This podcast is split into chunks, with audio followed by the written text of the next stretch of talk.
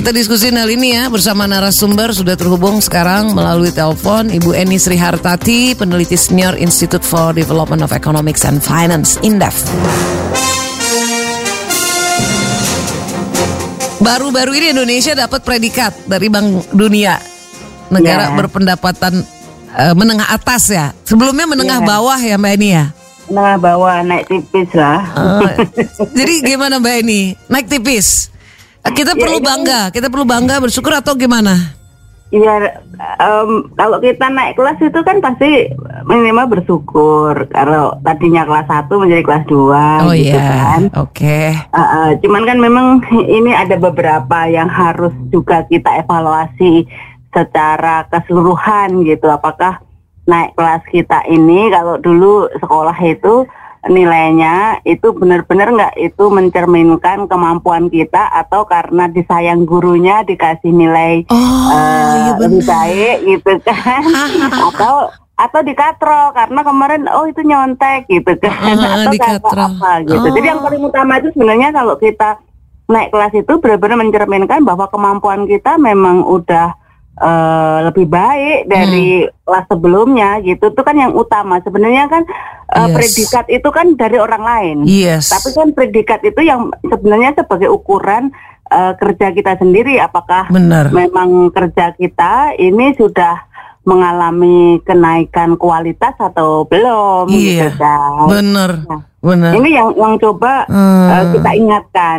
untuk kita semua bukan hanya pemerintah tentu. Jadi Kenapa Mbak Eni berpikir ada kemungkinan ke- eh, kemungkinan lain bukan karena memang benar-benar harus naik kelas karena kita udah benar, eh, tapi ada kemungkinan bisa dikatrol atau disayang.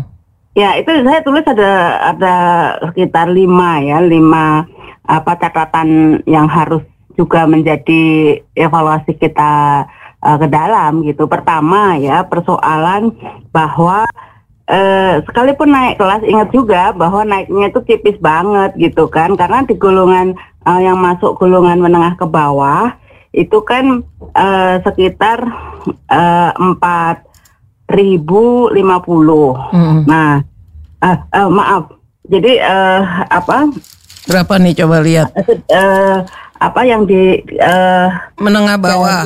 menengah bawah ya batasan Heeh. kriteria ya kriteria yang digunakan oleh Bank Dunia menengah bawah itu sampai dengan 4045. Iya benar. Nah, artinya empat, eh, ke menengah ke atas itu kalau lebih dari 4046. Mm-mm. Nah, ki- kita berada di sekitar 4050. Artinya selisihnya itu cuma 4 digit gitu loh. oh Jadi iya. ya tapi eh, menengah atasnya itu di di apa batas lebih dekat batas Iya. bawah gitu Iya, loh. iya. Jadi ini juga Pantesan nggak juga harus- kerasa ya. Oh iya. gitu. Oh, gitu, Jadi oke. Itu, itu yang pertama, itu yang pertama. Nah yang kedua kita juga harus ingat tingkat kesenjangan ekonomi di Indonesia itu luar biasa eh, tingginya gitu. Hmm. Jadi tidak hanya dilihat kalau dari sisi eh, Gini ratio ya, Gini ratio itu kesenjangan pengeluaran. Kalau pengeluaran kan eh, walaupun Mbak Nadia penghasilannya satu jam 100 juta juga makannya juga tiga hari sekali kan. Iya. gitu. Heeh. Artinya kesenjangan itu nggak nggak begitu eh, sebenarnya mencer- mencerminkan kondisi realita. Tapi kalau Hmm. dari sisi eh, kesenjangan pendapatan atau penguasaan aset, nah itu yang harus benar-benar eh, kita perhatikan karena Hmm. ternyata satu persen penduduk itu kan yang menguasai 46,6. Bayangkan hampir separuh Iya. hampir separuh itu dikuasai oleh satu persen. Nah, paling enggak kalau kita lihat datanya yang sera- 10 persen ya 10 persen Iya. itu sudah menguasai 75,3. Artinya apa?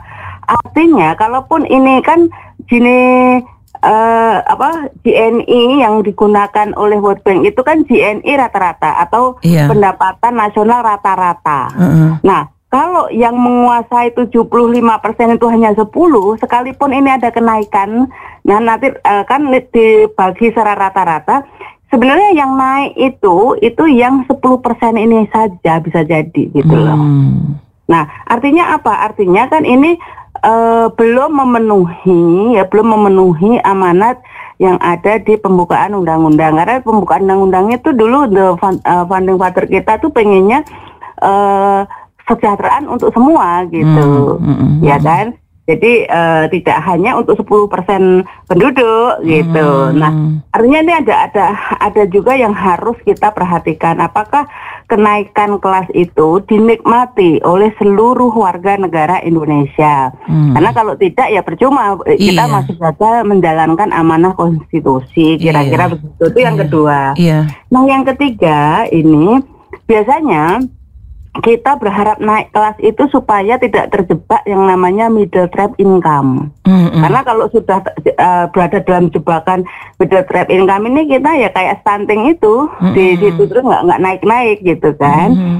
Nah, yang yang ini yang harus kita eh, ingat karena ada dua hal yang berbeda antara persyaratan kita untuk tidak masuk jebakan middle trap dengan hanya sekedar ukuran GNI per kapita tadi gitu Mhm. atau pendapatan per kapita tadi karena apa? Karena eh, supaya kita tidak terjebak. Jadi middle trap income tuh se- secara ini ya, secara gampang itu Mbak Mbak Nadia atau kita semua itu bisa kaya sebelum tuwir gitu loh. Jadi kaya Iya. sebelum sebelum tua gitu Uh-uh, kan. iya. Artinya apa?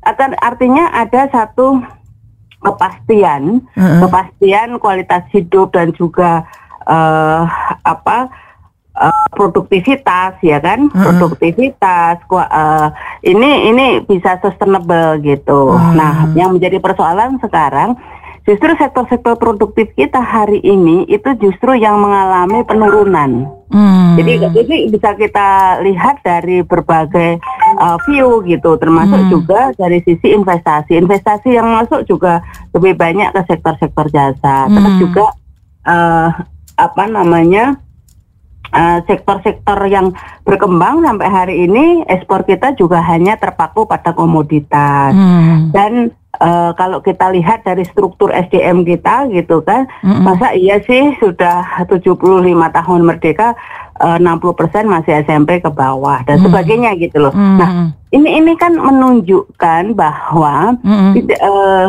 sustainable yang kita harapkan seperti yang supaya tidak terjadi trap tadi jebakan tadi Hmm. ini nggak terpenuhi sekalipun sekali lagi ya sekalipun GNI kita atau pendapatan per kapita kita mengalami lonjakan atau kenaikan Hmm. gitu.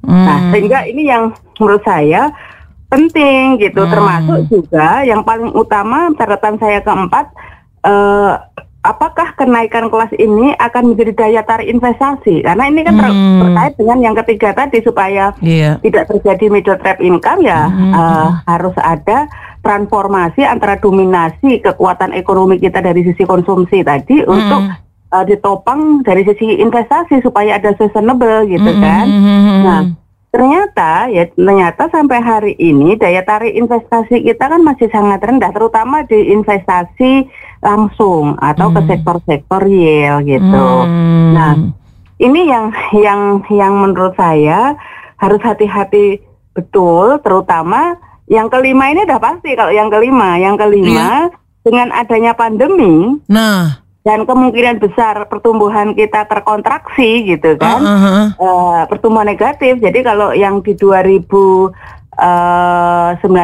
kemarin kan kita sekitar 15 ribu ya Mhm. eh, apa namanya pendapatan total kita eh, billion atau eh, apa triliun. Hmm. Nah, mungkin ya mungkin karena ini bukan mungkin lagi orang ini dari triwulan satu kan sudah turun tinggal 2,97 triwulan 2 minus gitu kan. Hmm. Nah, kalau kalau pendapatan kita misalnya ya misalnya nanti turun hanya sekitar seri- 10 ribu. Hmm. Nah, kalau penduduk kan walaupun ada yang meninggal kena COVID kan nggak mungkin langsung turun drastis gitu kan. Hmm. Nah, kemungkinan penduduk kita kan masih di kisaran kalau kemarin Presiden sampaikan kan sekitar 267 Juta. uh, penduduk gitu kan. Juta. Nah, artinya kalau uh, Artinya? kalau kalau pembilangnya ya pembi apa yang atas itu apa pembilang bener ya? Iya, pembilang, Pembilangnya- Wen. Hmm. pembilangnya turun drastis terus penyebutnya pembaginya relatif stagnan